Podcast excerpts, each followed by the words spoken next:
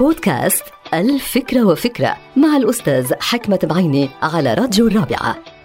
الإيجابية ليست مسألة تفاؤل فكري وحسب بل هي مسألة فكر تفاؤلي بامتياز. ولا بد من التفريق بين التفاؤل الفكري اللي يعتبره البعض سببا للإيجابية والفكر التفاؤلي اللي بينبع من إيجابية مطلقة. صحيح أنه التفاؤل هو صفة إيجابية من صنع الدماغ غير أنه لا يصل إلى مصاف الإيجابية كأسلوب تفكير.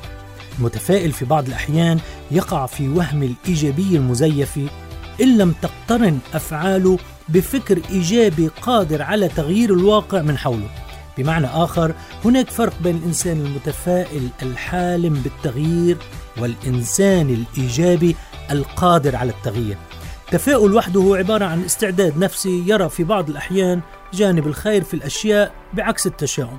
أما الفكر التفاؤلي هو نمط تفكير دائم وفعل إرادي ثابتة للتعامل مع أمور الحياة. التفاؤل اللي بيخفف أحيانا من صعوبات الحياة وبيبدد الخوف والتوتر لا يصنع السعادة الحقيقية في كل مكان وزمان.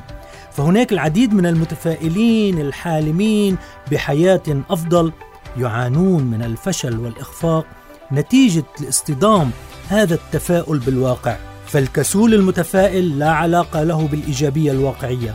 وبكل بساطة فإن الفكر التفاؤلي يصنع السعادة بدلا من انتظار الأحلام التفاؤلية.